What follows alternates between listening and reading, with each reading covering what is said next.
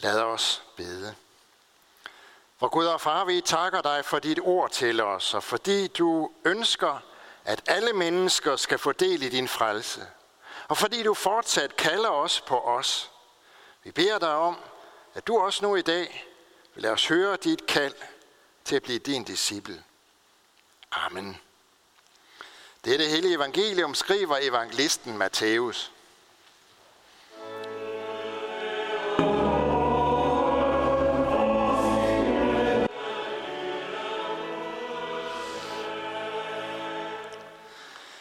De 11 disciple gik til Galilea til det bjerg, hvor Jesus havde sat dem stævne. Og da de så ham, tilbad de ham, men nogen tvivlede. Og Jesus kom hen og talte til dem og sagde, mig er givet al magt i himlen og på jorden. Gå derfor hen og gør alle folkeslagene til mine disciple. I det I døber dem i faderens og søndens og helligåndens navn, og i det I lærer dem at holde alt det, som jeg har befalet jer. Og se, jeg er med jer alle dage ind til verdens ende. Amen.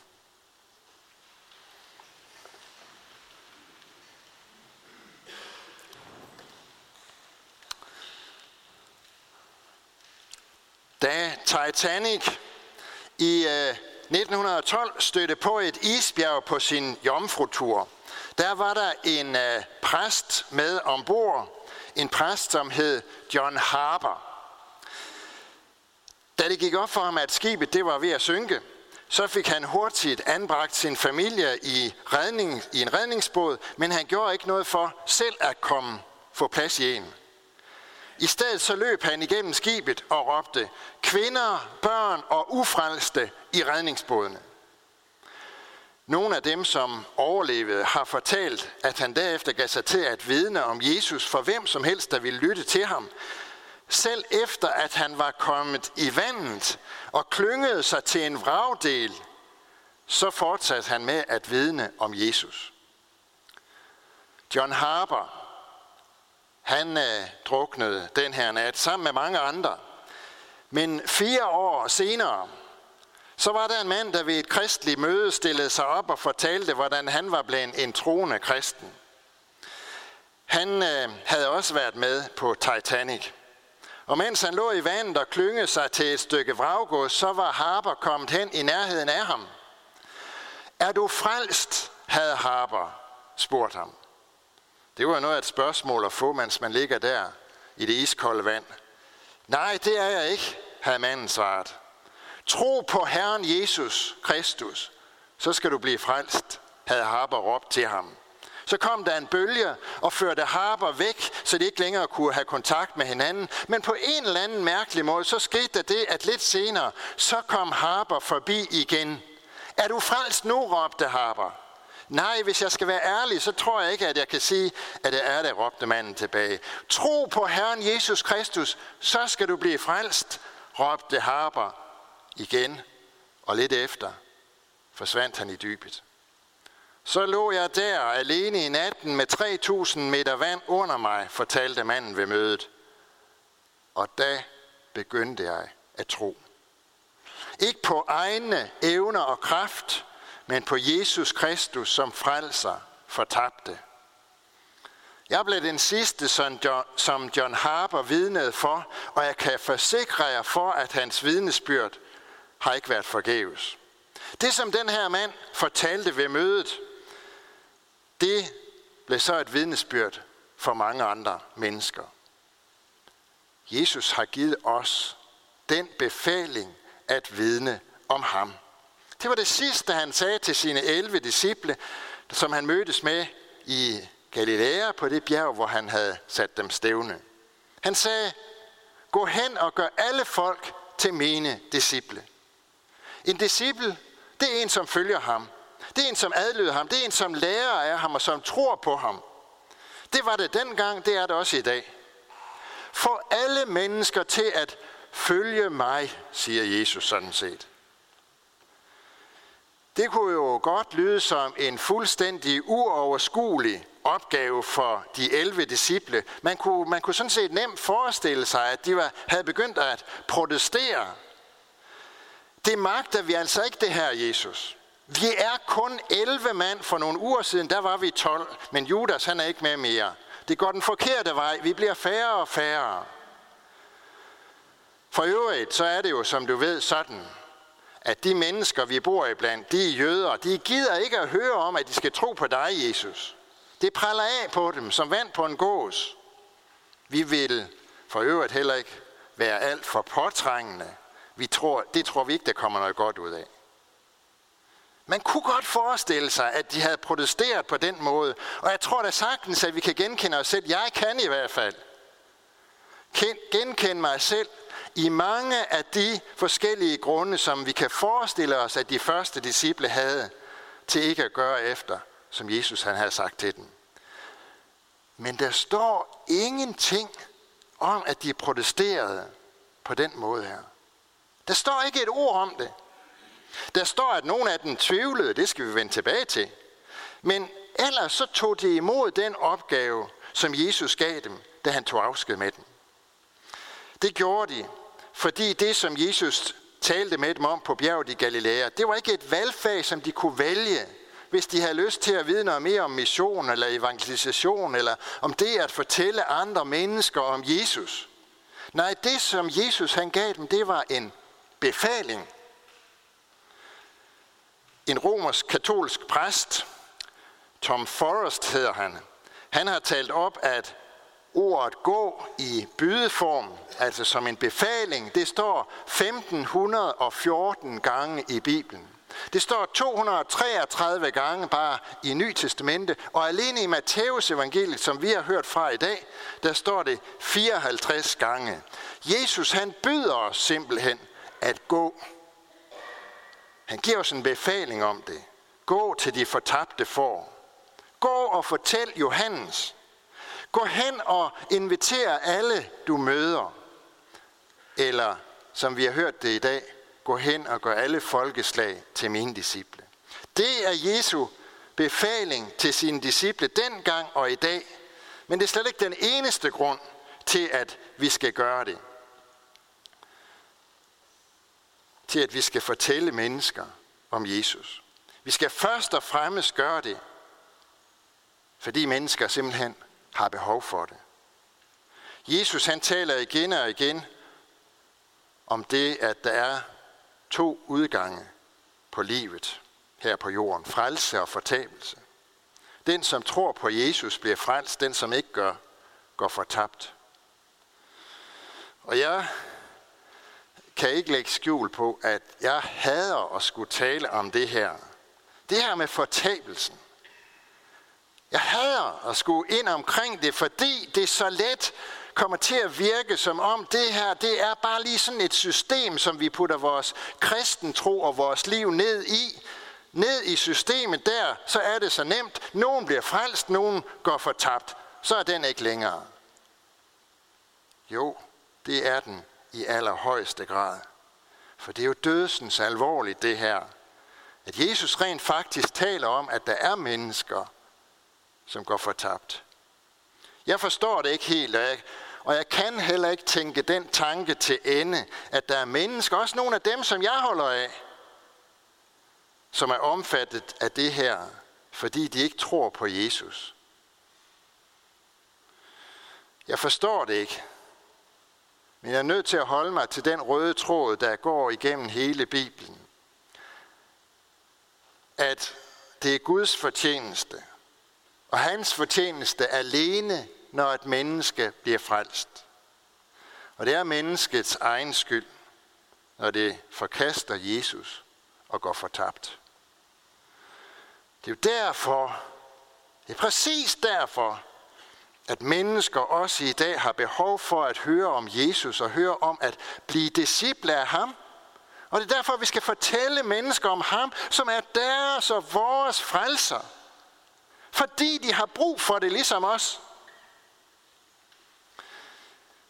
Hvis nu vi befandt os i en ørken, i Saharas ørken eller et eller andet andet sted i en ørken, var ved at dø af tørst, og så opdagede, at der var en, et sted, var der en oase, hvor vi kunne få noget vand, jamen så ville det da være ret så egoistisk. Det ville være en højst mærkværdig måde at opføre sig på, hvis ikke vi fortalte det til de mennesker, som var sammen med os, og som var ved at dø af væskemangel. Hvis ikke vi fortalte dem, hvor de kunne få slukket deres tørst. Det ville da være underligt, hvis vi nøjes med at tænke, Nå, men de finder nok oasen. Vi, vi vil heller ikke presse dem til at gå derhen.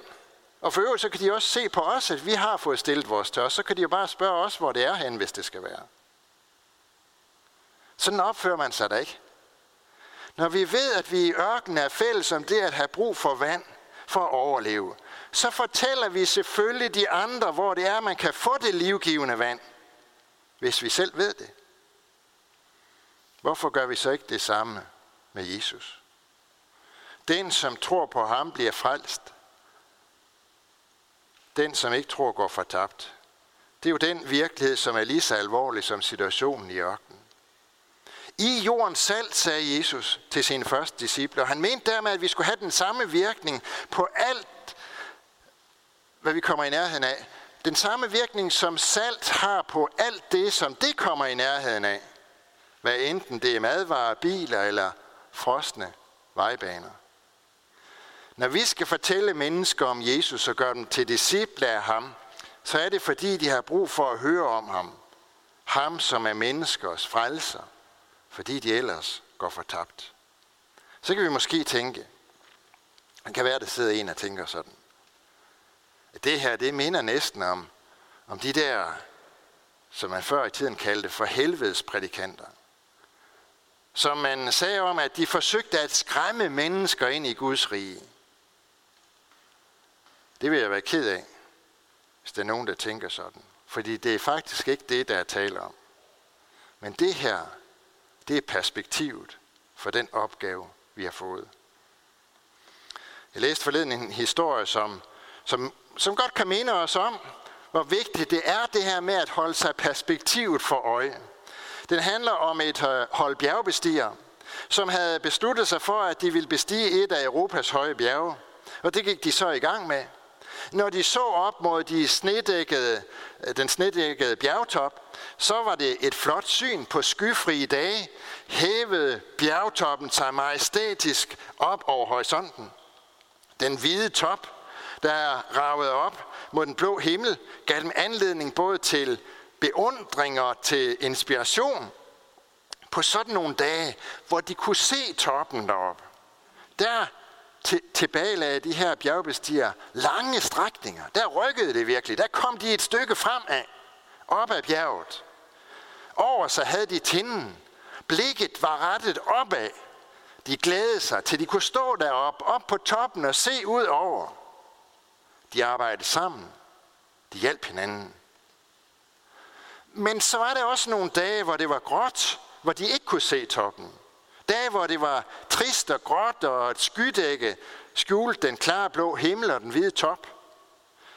På de dage, der var det en træls omgang at kravle op af bjerget. Målet blev glemt. Tolerancen dalede. Trætheden meldte sig også. Den ene klagede sig mere end den anden. På sådan nogle dage kom de ikke ret langt fremad, for blikket var rettet nedad, og tankerne indad. Det er egentlig ikke meget anderledes at være Jesu disciple. Og have fået den opgave at gøre alle mennesker til Jesu disciple, end det er at være bjergbestiger. Hvis man ikke kan se målet, så bliver det meningsløst at fortsætte. Pilgrimme, som ikke længere kan se det forjættede land, tager den jord, som de sidder på i besiddelse og slår lejr.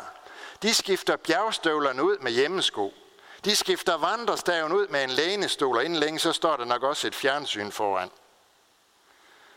Derfor er det vigtigt, at vi holder målet og perspektivet for øje. Både for os selv og for vores medmennesker. Gå hen og gør alle folk til mine disciple, siger Jesus. Og ham, som siger det, det er altså den opstandende. Det er ham, som er opstået fra de døde, og derfor er han levende også i dag. Og er midt i blandt os. Han er her. Derfor gælder hans løfte også. Og jeg er med jer alle dage ind til verdens ende. Der vil, der vil være dage, hvor vi ikke kan se det. Der vil være dage, hvor vi mister målet af syne. Så kan det godt ske, at vi bliver modløse, at vi kommer til at tvivle på, om det overhovedet nytter noget. Måske tænker vi også, at sådan nogen som os, kan Jesus da ikke have meget ud af i den kæmpe opgave, det er at gå ud og gøre alle mennesker til hans disciple.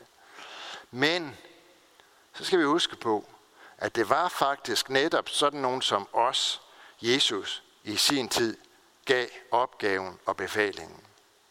Der står om hans disciple, at da de mødte Jesus på bjerget i Galilea, så var der nogen, der tilbad, men der var altså også nogen, der tvivlede. Der var nogen, der havde svært ved at få det her til at hænge sammen. Der var nogle af dem, som havde mødtes med ham endda op til flere gange, efter at han var opstået fra de døde, som alligevel ikke kunne få det til at hænge sammen i deres hoveder, og som alligevel ikke forstod, forstod det, og derfor havde svært ved at tro det. Alligevel fik de både Jesu befaling og hans løfte at gå på. Under krigen, der var der en mand, der var blevet skudt, og han lå døende i en grøft. Så var der en ven, der lænede sig ind over ham og sagde, er der noget, jeg kan gøre for dig? Han sagde, nej, det er der ikke. Jeg er døende. Det er, det er slut med mig. Er der nogen, jeg kan sende besked til for dig? Ja, det er der, sagde han.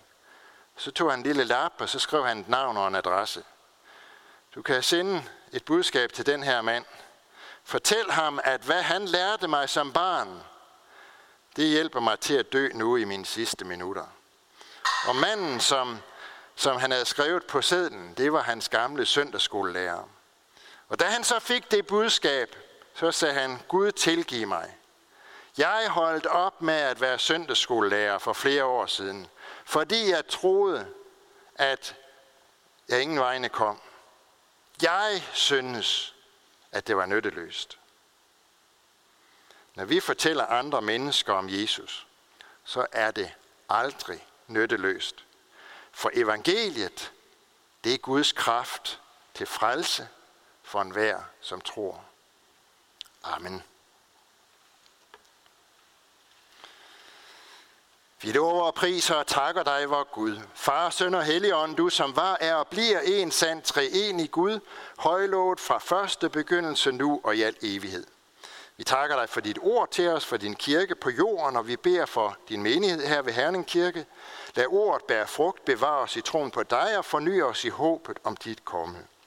Vi beder for alle, som har et ansvar inden for vores kirke, for menighedsråd, provst og biskop, led dem og os alle, så vi handler i troskab mod dit ord og vor kirkes bekendelse.